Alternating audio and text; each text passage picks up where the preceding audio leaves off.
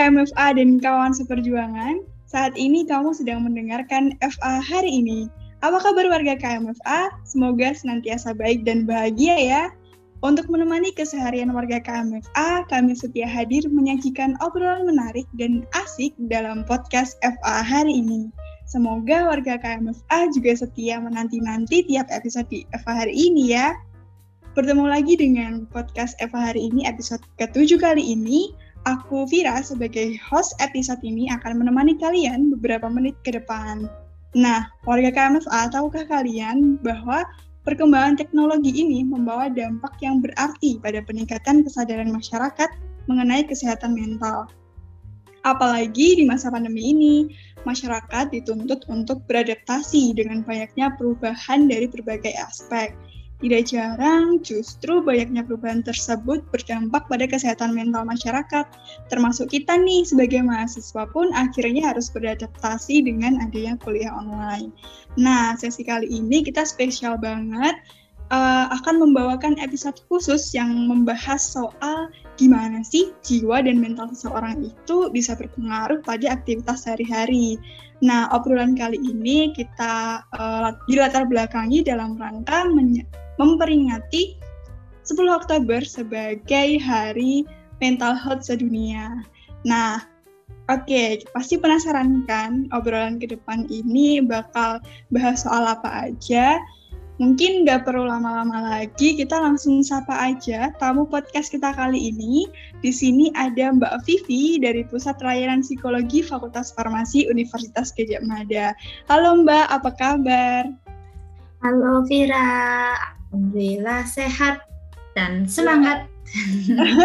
Mantap. Oke, okay.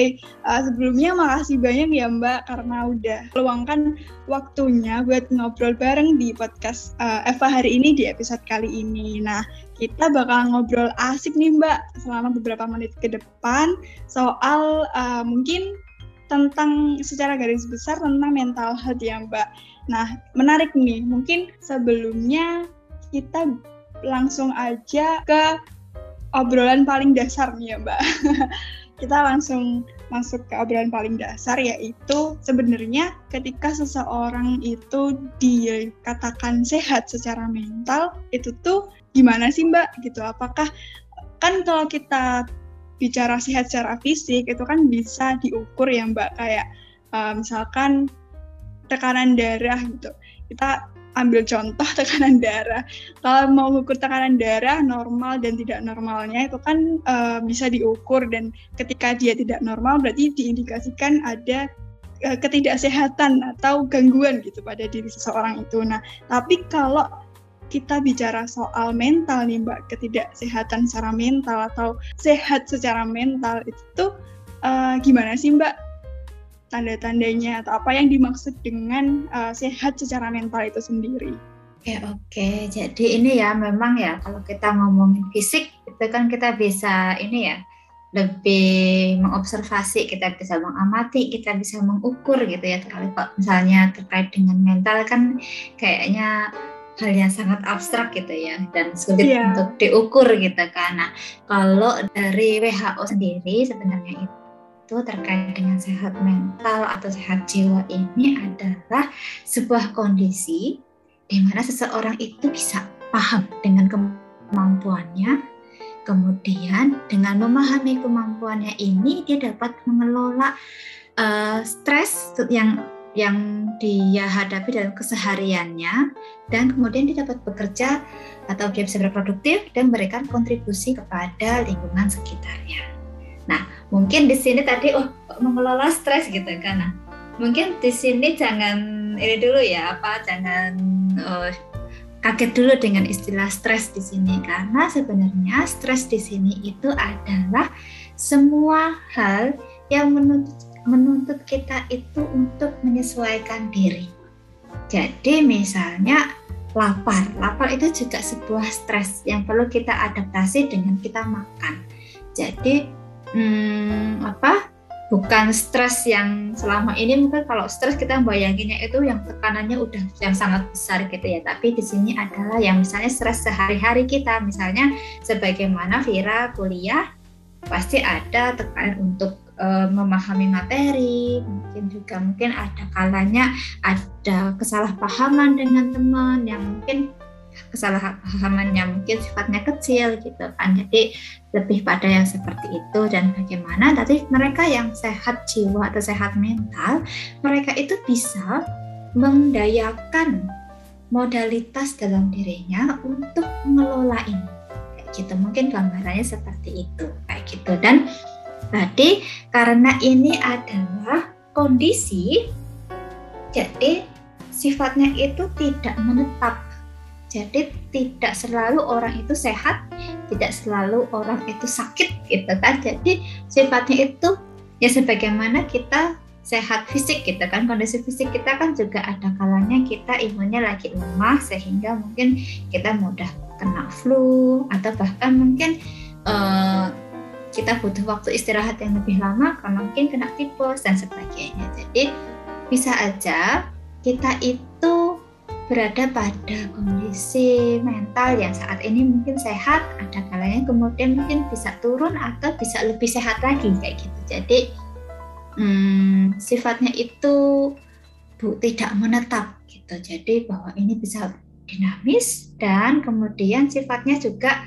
kontinum gitu. Jadi nggak nggak sekadar sehat dan tidak sehat, tapi bisa ada kalanya itu lebih sehat, kurang sehat, atau ya itu kembali pada uh, kondisi masing-masing kita. Jadi tidak yang kalau misalnya mengalami ini kemudian tidak sehat, nggak mesti nggak gitu kan? Karena tadi ada kalanya kita kan mungkin saat ini kayak Vira itu kan sedang UTS, pasti kan stresnya lebih nih ya, pasti tekanannya lebih untuk belajar lebih giat, untuk kemudian mungkin uh, apa ada rasa cemas juga dan itu uh, apa?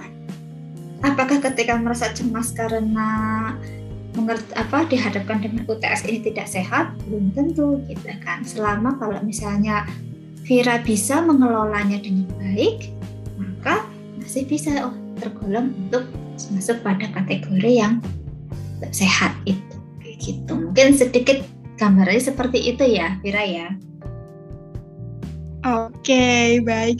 Menarik sih Mbak ya. Berarti uh, itu sebuah kondisi yang tidak tetap ya. Jadi kita bisa apa di dalam kondisi yang prima dan juga bisa aja juga uh, tiba-tiba down gitu ya.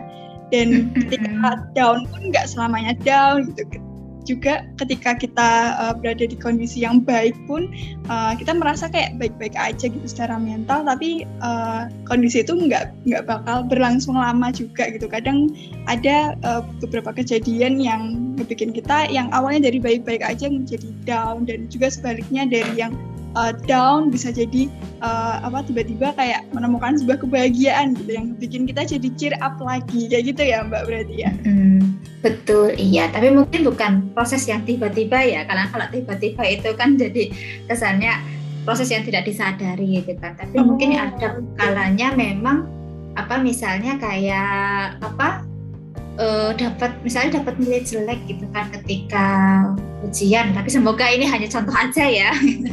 Jadi misalnya dapat nilainya kurang sesuai dengan apa yang diharapkan mungkin kan beberapa waktu saat itu kita mungkin merasa down merasa sedih. Tapi kemudian kita kan berusaha nih untuk mengelola itu. Kita misalnya uh, untuk sesaat misalnya oh ya udahlah menghibur diri dulu misalnya dengan mungkin beli makanan favorit gitu kan. Paling tidak oh, atau kemudian terus oh, berusaha untuk nggak apa-apa lah saat ini berarti kita perlu belajar lagi. Misal seperti itu sehingga hal-hal yang seperti itu kemudian kan bisa kita lewati nih. Nah kemudian kondisi kita yang kemudian bisa naik lagi. Jadi bukan kondisi yang tiba-tiba gitu karena ibaratnya ada proses transisinya. Yang itu biasanya itu berkaitan dengan tadi upaya kita untuk uh, membawa diri kita itu kembali stabil gitu kan. Jadi kayak kalau kondisi kita fisik kita uh, lagi demam gitu kan ya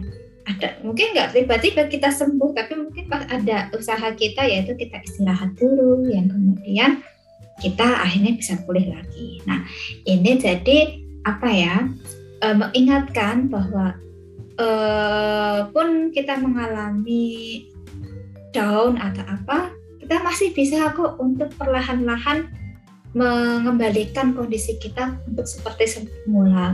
Ada yang mungkin memang prosesnya lama, ada yang prosesnya cepat, dan itu kembali gitu kan dengan kondisi kita gitu karena kalau memang sangat down gitu kan untuk kembali seperti sedia kala kan mungkin prosesnya akan lebih ini ya akan lebih lama gitu dan itu hal yang sangat wajar tapi bahwa yang perlu diingat adalah itu adalah hal yang sangat manusiawi untuk kita merasa.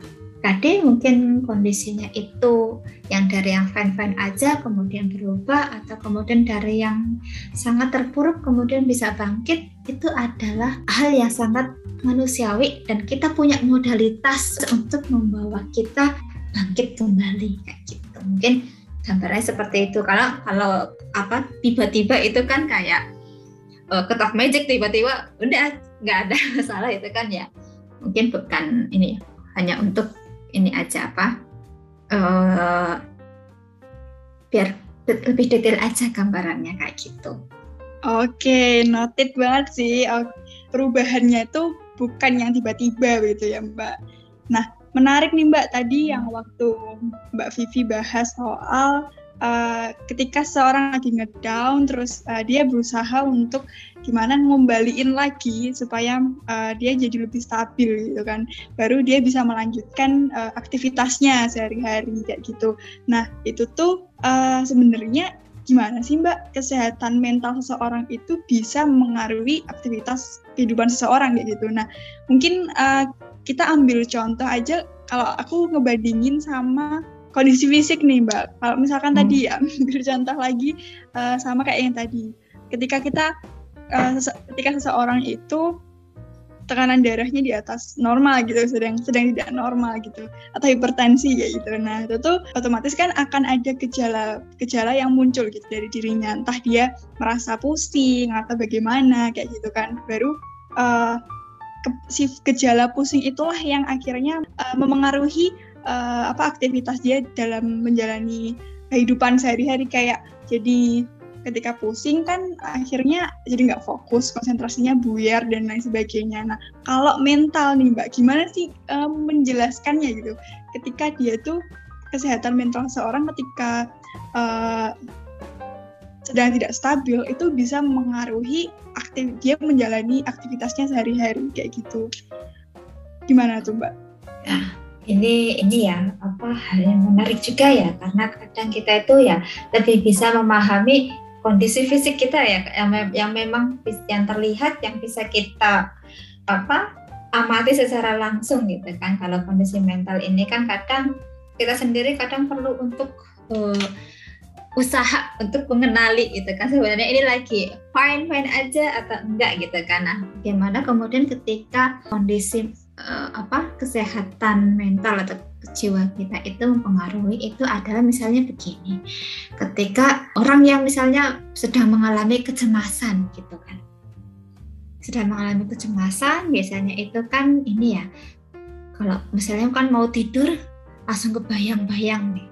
Wah nanti gimana nih? Pasti yang terburuk yang terjadi.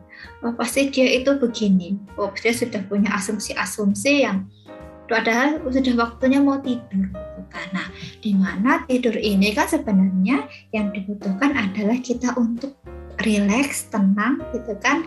Dan kemudian kalau kita otak kita bekerja itu kan jadi nggak tenang, jadi gelisah.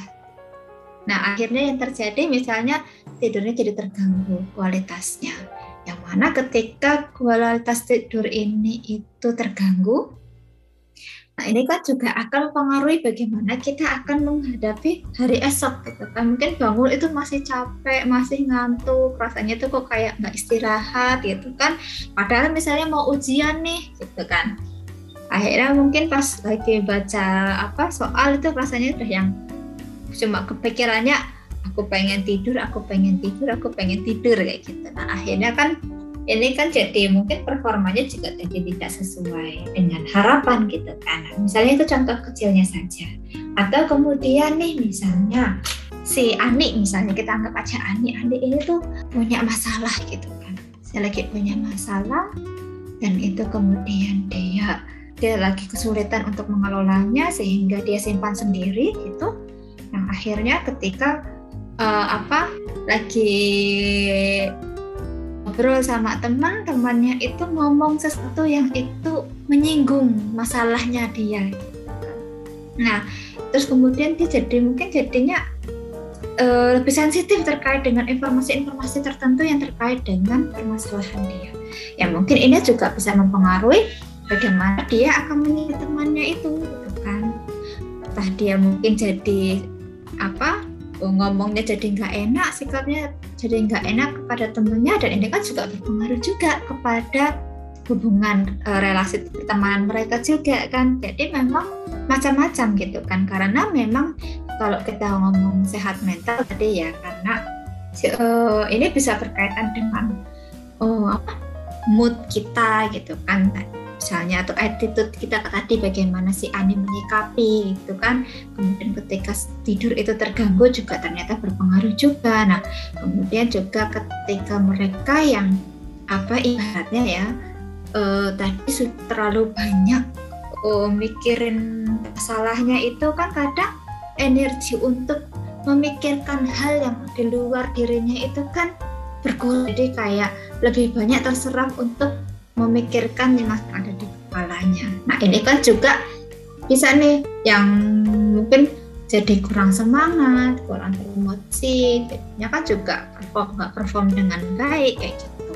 Jadi mungkin gambarannya hmm, seperti itu ya, bahwa ternyata ya nggak cuma bahwa apa nggak cuma fisik aja yang bisa mempengaruhi, tapi kondisi mental kita, kondisi kesehatan jiwa kita juga bisa mempengaruhi meskipun mungkin dampaknya tidak terlihat secara langsung tapi kalau kita amat-amati oh, ternyata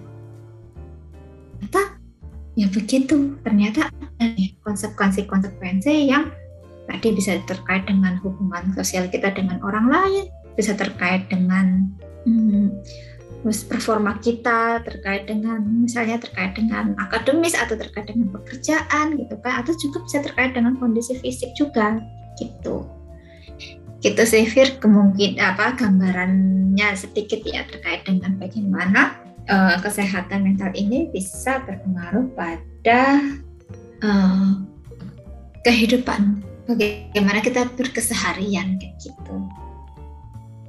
Oke, nangkep sih Mbak ya, cukup cukup jelas sih gambarannya tadi. Uh, kemudian ini Mbak, kalau misalkan uh, kita itu sebenarnya apa sih ciri-ciri seseorang itu sedang uh, punya atau mengalami ketidakstabilan secara mental itu tuh uh, gimana sih? Kita ada tanda-tanda khusus atau gimana dan uh, apa sih yang harus dilakukan? Kayak misalkan mungkin dari diri kita, diri kita yang mengalami ataupun kita melihat tuh pada orang orang lain gitu. Apa yang perlu kita lakukan? Kayak gitu mbak. Nah ini kan mungkin mbak Vivi udah uh, apa banyak ya ketemu sama apa uh, orang yang konsul sama mbak Vivi. Nah itu tuh uh, gimana nih mbak ketika mbak Vivi ngelihat orang tuh dia sedang mengalami ketidakstabilan gitu secara mentalnya gitu dan apa sih yang perlu kita lakukan Oke, ini menarik karena ini berkaitan bagaimana kalau kita atau orang lain yang mengalaminya. Mungkin sebelum itu kita bahas dulu nih, kapan sih kita bisa kayaknya lagi nggak well nih, beratnya kita lagi nggak oke okay nih, gitu kan? Nah ini sebenarnya bisa kita amati dari dari beberapa aspek gitu. Ada moodnya, dari attitude atau sikapnya, bagaimana dia menyikapi hal-hal di sekitar, atau dari kualitas tidurnya, kemudian dari kondisi fisiknya juga, kesehatan fisik, terus kemudian aktivitas kebiasaan. Nah, kemudian kata kuncinya adalah meskipun tadi kayaknya banyak banget ya aspeknya, tapi kata kuncinya adalah ketika apa yang terjadi itu berbeda dari biasanya. Kata kuncinya di situ. Biasanya misalnya Vira itu kalau uh, dengar si uh, Budi cerita itu banyak humornya tuh ketawa-ketawa gitu karena itu lucu bagi Vira. Tapi kemudian satu saat Vira merasa bahwa kok ini yang biasanya lucu kok nggak jadi nggak lucu ya gitu. Jadi misalnya kok jadi hal-hal yang biasanya buat aku senang? Itu udah nggak bikin senang lagi gitu. Atau kemudian tidur misalnya jam tidurnya itu yang biasanya mungkin cukup mm, apa 6 5 sampai 6 jam. Oh sekarang butuh tidurnya jadi 9 jam gitu misalnya. Jadi kita melihat tadi ada perubahan-perubahan yang apa yang terjadi kayak gitu. Jadi perubahan ini pun ada yang kalanya itu perubahan mungkin sifatnya sementara gitu ya.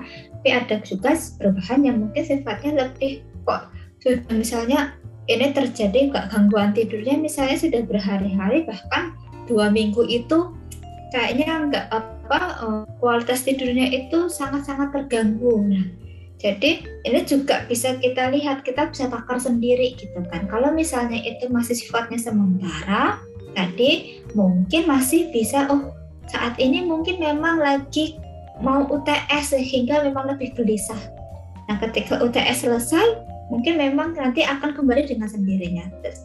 Kembali pada bagaimana kita untuk merawat diri kita misalnya oh ini sudah selesai UTS-nya kayak kita istirahat dulu misalnya jadi lebih lebih apa kalau tadi itu sudah ngegas sekarang kita rem dulu lah untuk misalnya coba cari hiburan, untuk refreshing dan sebagainya. Tapi kalau misalnya itu sudah hmm, gangguan tidurnya itu misalnya sudah oh dua minggu lebih nggak pernah bisa tidur gitu kan, atau ketika tidur itu selalu mimpi buruk, gitu kan? Nah ini kemungkinan ketika ini sangat kita sudah coba untuk kelola, untuk coba untuk melakukan hal yang kira-kira bisa dilakukan agar kita bisa untuk kembali pada kebiasaan yang sebelumnya kok susah.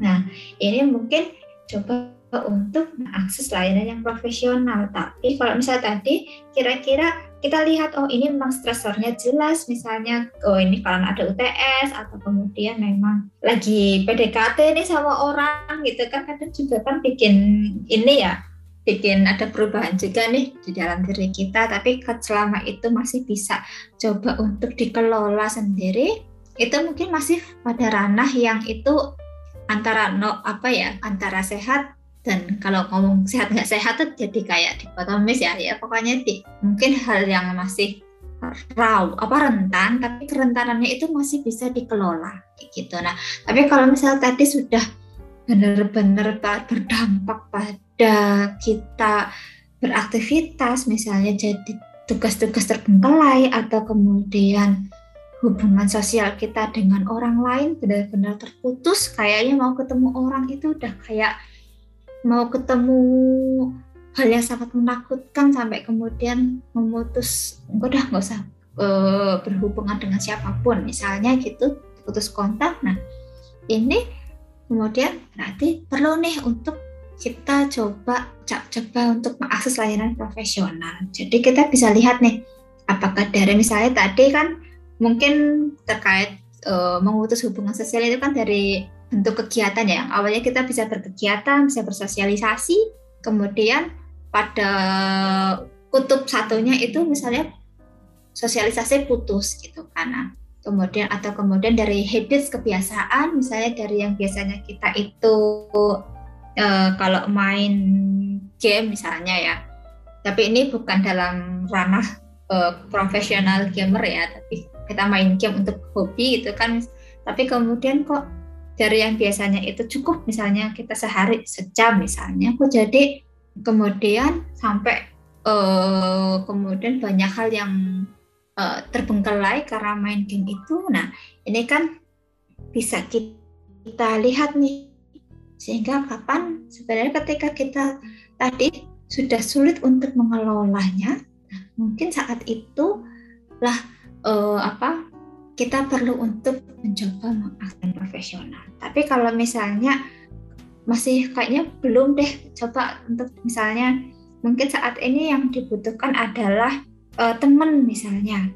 Itu kan karena aku sebenarnya cuma pengen cerita misalnya. Jadi kan mungkin tadi bisa uh, apa uh, untuk mungkin cari, cari support dulu gitu kan jadi memang itu kembali ke kita, kita apakah perubahan kebiasaan ini sangat mengganggu sampai kemudian mengganggu apa keseharian kita, mengganggu peran kita sebagai mungkin uh, kalau teman-teman peran teman-teman sebagai mahasiswa gitu kan atau peran teman-teman mungkin sebagai anggota organisasi itu kan.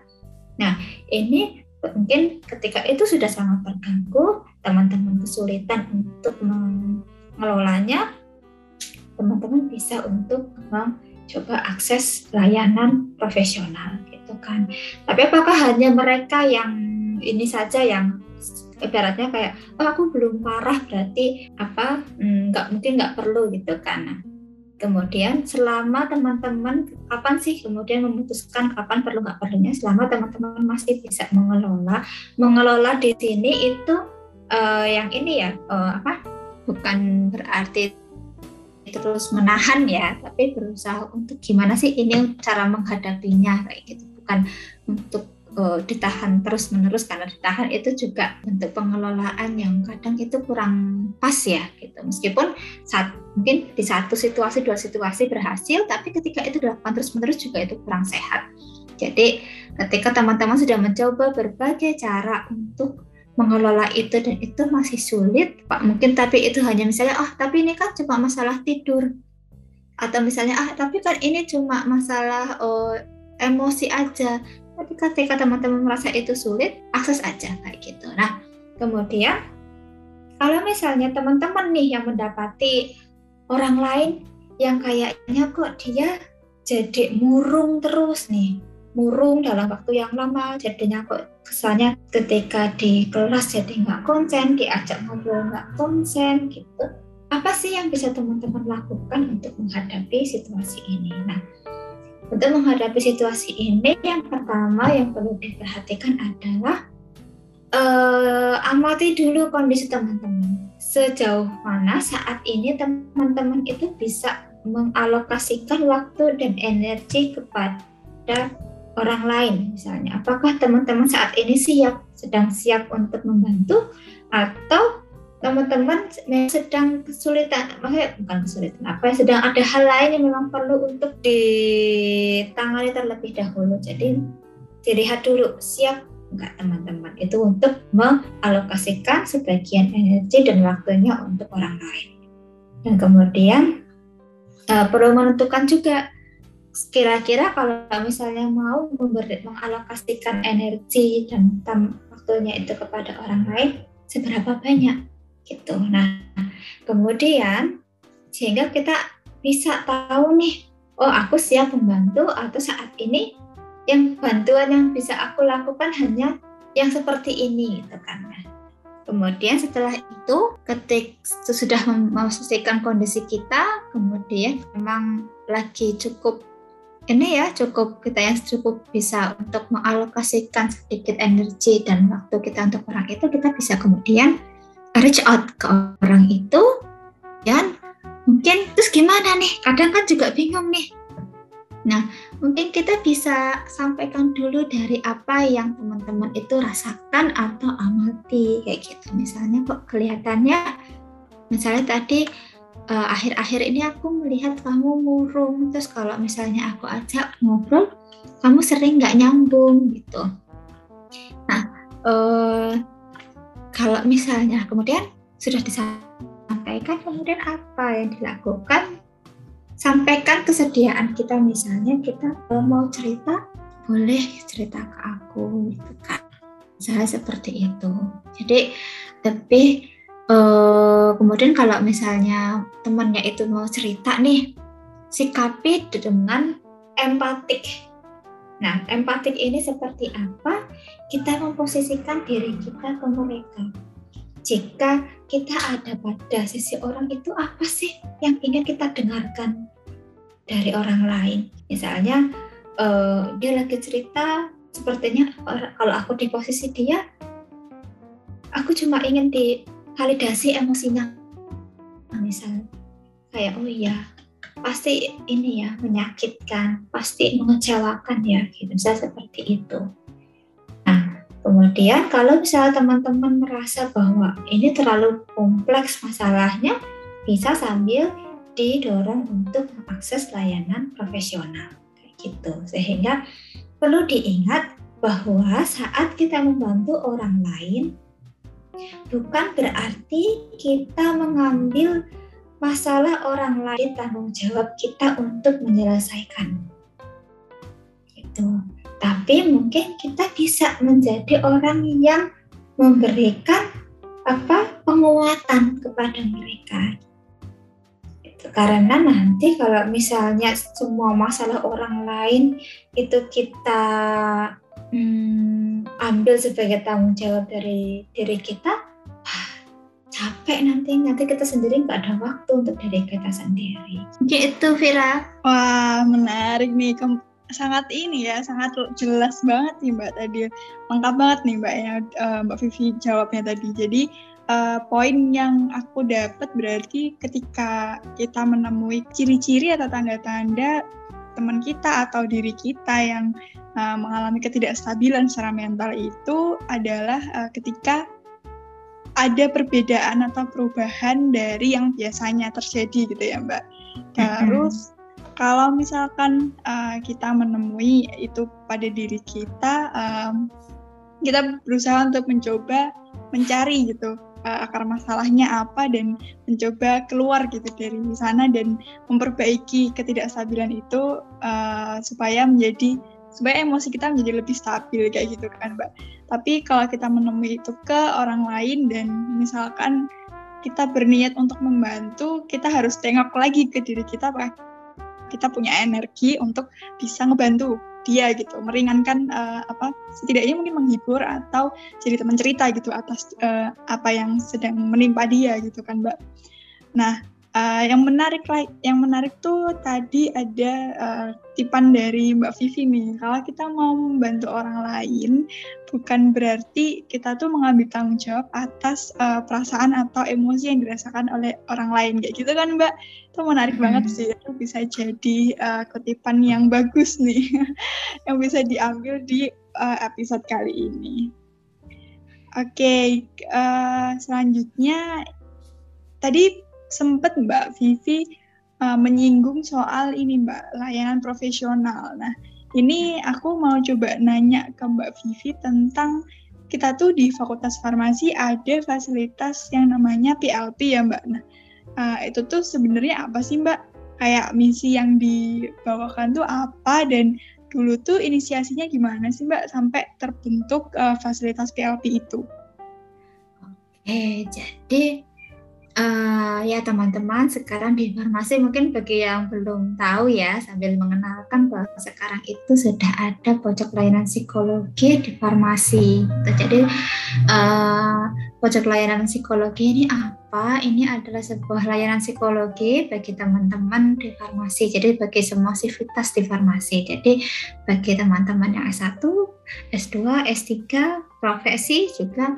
Jadi uh, apa selama masih jadi mahasiswa di farmasi boleh untuk mengakses layanan ini dengan gratis gitu kan. Nah, kemudian uh, kenapa sih kok kemudian ada layanan psikologi gitu kan? Karena ini sebenarnya sebuah perhatian sebenarnya sebuah bentuk perhatian yang itu dari para dosen pendamping ya apa dosen pendamping akademik ya pembimbing akademik itu kan yang kemudian sepertinya uh, beberapa itu menemukan kayak teman-teman yang itu kayaknya butuh nih uh, untuk ada yang membantu secara profesional gitu kan. Tapi meskipun kadang itu kan kalau sebagai mahasiswa kita sebenarnya terbatas ya. Jadi kalau misalnya ada dari fakultas yang bisa menyediakan kan teman-teman bisa nih dengan leluasa untuk mengakses layanan itu gitu. Meskipun demikian meskipun layanan psikologi ini ada di ranah kampus bukan berarti kemudian informasi yang misalnya teman-teman sampaikan kepada psikolog di layanan ini itu akan disampaikan kepada akan disebarkan kepada eh, orang-orang uh, kampus itu karena tetap apa rahasia itu kode etik itu akan dijaga kayak gitu. Jadi dengan demikian harapannya nih dengan adanya layanan psikologi di farmasi teman-teman itu bisa uh, ada yang apa bisa terfasilitasi kebutuhan psikologisnya kemudian juga harapannya dengan apa uh, karena di kegiatan di farmasi ini kan juga ada promosinya juga ya kegiatan promosi dan intervensi tentunya. Dengan adanya promosi harapannya teman-teman bisa satu lebih aware gitu kan dengan kesehatan mental gitu kan dan juga mungkin nantinya harapannya teman-teman juga dengan semakin aware dengan kesehatan mental dengan aware dengan kondisi diri sendiri kita bisa saling ini untuk berempati dengan orang-orang lain dengan orang-orang di sekitar kita terutama yang di Fakultas Farmasi juga. Sehingga ketika apa kita bisa berempati kepada orang lain harapannya kita bisa menciptakan sebuah lingkungan kampus yang lebih suportif kayak gitu. Harapannya ke depannya demikian gitu. Jadi mungkin ayo teman-teman kita sama-sama untuk apa? Hmm, mulai menggalakkan ini ya apa? Bagaimana kita lebih aware. Mulailah dari diri sendiri dulu paling tidak seperti itu. Nah, kemudian kalau misalnya teman-teman pengen tahu nih kegiatan promosinya farmasi, teman-teman bisa akses di Instagram dengan nama akunnya PLP Farmasi UGM. Itu dah. Kemudian nanti di situ kalau teman-teman mau mengakses layanan ini di, di Instagram itu di akun itu juga tersedia informasi terkait dengan cara-cara uh, apa mengakses layanan ini gitu. Mungkin itu sedikit terkait dengan PLP ya Vira ya, biar mungkin teman-teman bisa lebih kenal nih terkait dengan PLP.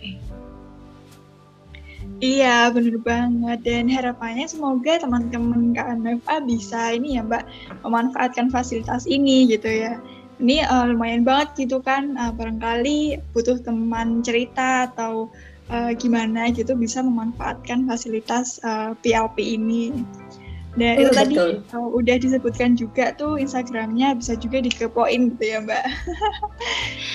Di follow juga boleh gitu. Iya betul betul. Yang belum follow silahkan follow gitu kan. Kalau misalnya teman-teman punya nih biasanya saya ini ada uh, polling gitu. Kalau misalnya tema-tema apa sih yang ingin diangkat? Nah nanti kalau teman-teman punya nih pengen kayak pengen angkat tema tertentu nanti ketika ada polling itu teman-teman bisa untuk apa mengajukan tema yang teman-teman tertarik gitu. Oke, okay. ya benar banget. Jangan lupa dipantengin ya Instagramnya. Tadi apa Mbak namanya? PLP Farmasi UGM.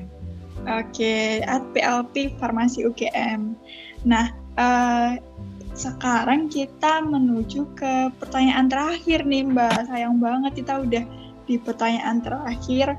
Uh, jadi ini dengan apa ya uh, pandemi kemarin itu tuh cukup ngebikin uh, apa kita jadi banyak banyak yang stres gitu karena uh, kalau ngelihat dari situasi yang kemarin kita harus beradaptasi dengan kuliah online dan ternyata justru malah dengan adanya kuliah online itu beban tugas itu makin banyak ya mbak kalau di farmasi sendiri ini.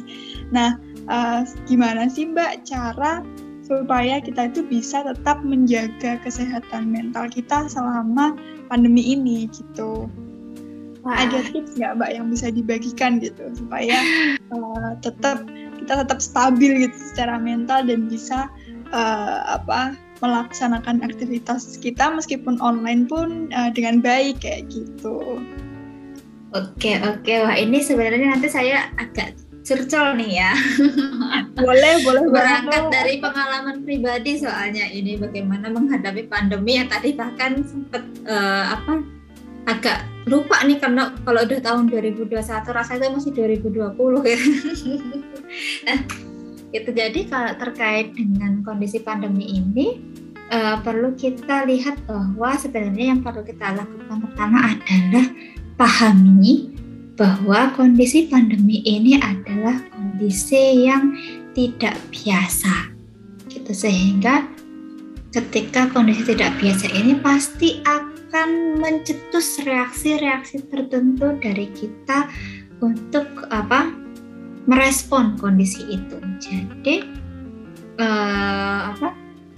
Misalnya jadi mungkin teman-teman karena selama pandemi gitu ya mungkin jam kerja jadi nggak ini ya nggak nggak teratur gitu yang biasanya itu mungkin ada jadwalnya kuliah dari jam 8 sampai jam 4 sekarang itu bisa nih tiba-tiba sewaktu-waktu berubah tiba atau kemudian karena ibaratnya kalau saya sendiri misalnya itu jam kerjanya itu wah jadi kesannya kok nggak ada akhirnya rasanya kayak gitu kadang kayak gitu kan. Karena malam-malam ada rapat dan sebagainya tuh kayak ini kok jadi ini ya apa hmm, jadwalnya itu nggak jelas gitu. Nah jadi itu adalah hal yang wajar ketika kita merasa overwhelmed. Dengan itu kita mungkin merasa tidak berdaya kita merasa cemas gitu kan apalagi dengan kondisi pandemi yang sering apa ketika di berita atau di media sosial itu sering ada informasi-informasi yang itu kadang juga bikin ini ya kita itu mempertanyakan keamanan kita sendiri kayak gitu. Nah kemudian eh, dengan melihat bahwa kondisi ini adalah kondisi yang tadi abnormal yang tidak biasanya sehingga tentu kita tidak bisa membandingkan kondisi yang abnormal ini dengan kondisi yang normal. Gitu. Nah, jadi itu dulu yang perlu kita ingat bahwa ini kondisi abnormal yang tidak bisa kita bandingkan dengan kondisi yang normal. Nah, kemudian setelah itu apa yang perlu kita lakukan? Nah, kita Uh, salah satu caranya adalah dengan kita jika selama ini kita sudah punya rutinitas tertentu, kita ubah rutinitas itu menyesuaikan dengan kondisi kita saat ini. Gitu. Jadi misalnya uh, kalau misalnya saya sendiri gitu kan tidurnya jadi jam 12 lewat gitu kan karena uh, kayak kemarin itu sempat uh, WFH terus kan jadi semua uh, kebetulan saya di farmasi itu kan hanya Senin sampai Rabu gitu kan. Jadi dari yang kegiatan di farmasi WFH, kegiatan di institusi lain juga WFH, semuanya jadi yang biasanya itu energinya keluar untuk berkegiatan di tempat apa? Di berbagai banyak tempat akhirnya itu kan nggak nggak keluar. Jadi ketika malam tuh rasanya tuh kayak masih pengen melakukan sesuatu. Nah, akhirnya berubah jam tidurnya. Kemudian, nah, yang saya lakukan adalah uh, ke, mungkin dulu menghitung jam tidur itu misalnya dari jam 10, sekarang saya menghitung tidur itu misalnya dari jam 1 gitu kan. Oke, jam istirahat dari jam 1 sekarang sehingga ada perubahan di situ. Sehingga kemudian menyesuaikan uh, apa bangunnya misalnya oh bangun jam 6 atau jam 5 gitu kan misalnya. Kemudian nah, mulai aktivitasnya nanti disesuaikan kembali karena misalnya saat ini WFH semuanya dilakukan di rumah gitu kan dan kemudian terbatas aktivitasnya nah misalnya jadi mungkin uh, ada nih fase waktu yang jeda itu yang kadang kalanya itu kok jadi nggak rasanya itu nggak ada kerjaan ya di jam yang harusnya beraktivitas jadi kayak rasanya itu nggak ada kerjaan kayak gitu nah mungkin kita bisa sesuaikan juga oh berarti mungkin selama ini kalau diamat-amati trennya akhir-akhir ini jam kerjanya itu mulainya jam 12 siang misalnya. Berarti ada kita punya waktu luang pagi sampai siang. Nah, kita manfaatkan itu untuk hal yang mungkin biasanya kita lakukan misalnya di apa? Hmm, di waktu lain atau kemudian yang awalnya mungkin kita jadi oh apa nggak ada waktu olahraga kita jadi punya waktu olahraga kayak gitu kan sehingga kita bisa sesuaikan itu sesuaikan dengan hmm, rutinitas kita aktivitas kita dengan kondisi kita saat ini itu yang pertama yang kedua adalah bahwa tadi perubahan yang drastis yang awalnya kita tatap muka, yang awalnya misalnya teman-teman itu belajarnya di kelas gitu. Yang kalau misalnya stres terus nongkrong sama teman-teman di kafe gitu kan sambil cari wifi gratis gitu kan. Nah, saat ini kan itu nggak bisa dilakukan gitu. Nah, sehingga dan termasuk juga bisa jadi terkait itu pengaruhnya pada bagaimana kita perform, bagaimana kita uh, hmm, kita beraktivitas atau kita uh, produktivitas kita kayak gitu. Karena tentu akan ada bedanya gitu kan. Kita misalnya di kelas itu kita bisa fokus di tempat yang terkondisikan saat ini mungkin di rumah baru aja masuk kelas tiba-tiba dipanggil buat disuruh beli gula gitu ke warung gitu kan. Misalnya seperti itu. Jadi atau kemudian tiba-tiba lagi uh, apa uh, ujian online bapak masuk nyari nyari nyari barang di kamar kita. Misalnya seperti itu kan itu sangat ini ya sangat mengganggu ya. Pasti kita tidak bisa seoptimal biasanya. Nah gitu. Dan itu adalah hal yang sangat apa ya bisa dipahami. Hal yang sangat bisa dipahami untuk itu terjadi di kondisi kita saat ini. Nah kemudian apa yang bisa kita lakukan adalah nah jika selama ini kita bisa mendayakan uh, apa performa kita itu sampai 100% gitu kan tapi kemudian di situasi pandemi ini dengan berbagai kondisi teman masing-masing di dengan dinamika rumahnya masing-masing juga sehingga mungkin teman-teman hanya bisa hanya bisa apa ya mengerjakannya itu uh, dari 500 mungkin 70% gitu. Nah, jadi apa ya? Uh, itu adalah hal yang wajar terjadi hal yang sangat bisa dipahami tapi bukan berarti hal ini menjadi pembenaran bahwa oh ini kan karena eh, pandemi nggak di kelas kan terus aku stres ya jadi ya udah aku aku nggak ngerjain nggak apa-apa bukan demikian tapi adalah bagaimana yang nggak optimal ini bisa kita optimalkan jadi yang awalnya kita bisa 100% sekarang kita 70%, ya 70% ini yang kita optimalkan gitu. Jadi bukan kita memaksakan diri kita untuk 100%, tapi kita lihat tuh sekarang 70% apa yang bisa aku lakukan agar 70% ini optimal kayak gitu. Jadi mungkin ya selama ini mengingat bahwa oh kalau misalnya ngerjain tugasnya siang ternyata banyak nih diganggu. Itu kan ada bukan mungkin kan diganggu ya kalau diganggu kan sengaja. Terganggu karena misalnya uh, tadi orang tua itu nyuruh kita untuk melakukan sesuatu atau ada adik kita yang uh, ngelihat kita uh, di laptop dikiranya kita lagi main jadi pengen ngajakin main gitu kan. Nah kita bisa sesuaikan agar lebih optimal misalnya oh berarti jam ngerjainnya mungkin lebih digeser. Misalnya kalau sore itu atau siang itu orang rumah ada di rumah semua berarti mengerjakannya mungkin pagi.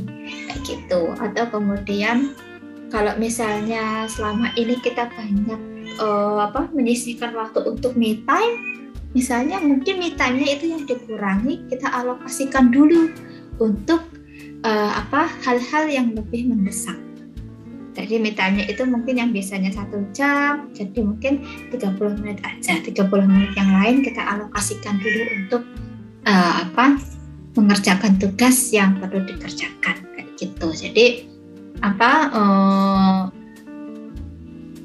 pahami bahwa kondisi ini saat ini memang tidak normal dalam tanda kutip gitu ya abnormal tapi kemudian dan wajar kalau kemudian kita merasakan atau me, apa, meresponnya dengan cara-cara tertentu gitu kan. Terlebih biasanya terkait dengan kita merasakan ada distress gitu ya karena jadi nggak perform dengan baik nggak jadi nggak lebih nggak fokus jadi mungkin banyak cemasnya gitu kan banyak takut ya dengar dengar mungkin.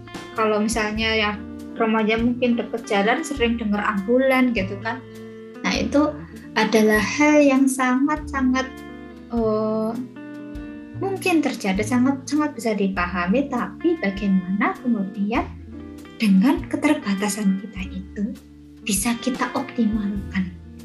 Sehingga paling tidak hal-hal yang uh, sehingga kita bisa memilah nih mana yang sebenarnya memang berada pada kelola kita, pada kuasa kita untuk mengelola dan mana yang kita itu cukup untuk oh ya memang seperti itu kayak gitu jadi untuk untuk di apa ya cukup untuk dipahami saja tapi nggak perlu untuk kita berusaha untuk mengelola. Jadi ibaratnya kayak kita mau dari Jogja mau ke mana ya? Ibaratnya mau ke Bali gitu kan. Terus kita berdelapan uh, naik mobil kecil, sumpek banget kan pastinya itu. Pas-pasan lah gitu. Uh, nah pasti kemudian ada jengkelnya, ada rasa nggak nyaman, sumpah nggak bisa gerak, apalagi masih jauh, pukul dan sebagainya itu wajar. Tapi kemudian ketika kita mengharuskan diri kita untuk nyaman banget, sebagaimana kita mungkin naik pesawat, sebagaimana kita mungkin naik kereta api gitu kan, yang luas, yang longgar, ya ini jadi nggak rasional gitu. Tapi bagaimana kemudian di kondisi yang sumpah itu kita bisa lebih nyaman gitu mungkin dengan tadi menyesuaikan dirinya mungkin dengan kita bisa sedia cemilan mungkin untuk kita atau kita bawa uh, bantal bawa selimut yang bisa untuk kita lebih nyaman di selama perjalanan jadi mungkin analoginya seperti itu mungkin itu Vira untuk jawaban terakhir dari pertanyaan terakhir ini Oke, nah itu dia tips-tips menjaga kesehatan mental di masa pandemi dari Mbak Vivi nih. Nah, teman-teman bisa sambil dicatat tuh tadi tipsnya apa aja gitu kan, dan bisa diterapkan buat uh, ke depannya gitu pada saat menjalani kehidupan sehari-hari. Nah, obrolan obrolan hari ini benar-benar informatif banget ya Mbak Nah, semoga uh, bisa menambah insight buat teman-teman yang mendengarkan episode kali ini. Nah, sebagai penutup, mungkin Mbak Vivi bisa memberikan closing statement, Mbak, untuk warga AKMFA dan juga pendengar FA hari ini. Oke, jadi apa ya?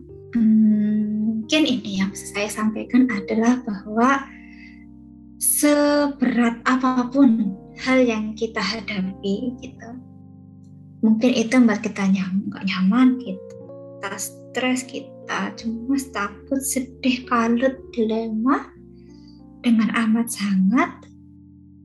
Di sisi lain kita punya kekuatan dalam diri kita untuk menghadapi itu.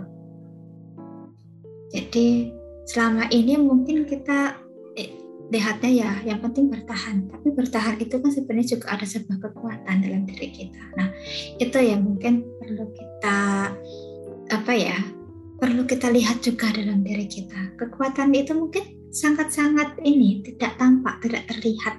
Tapi ada.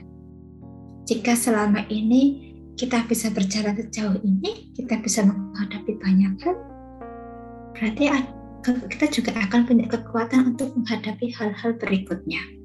Begitu.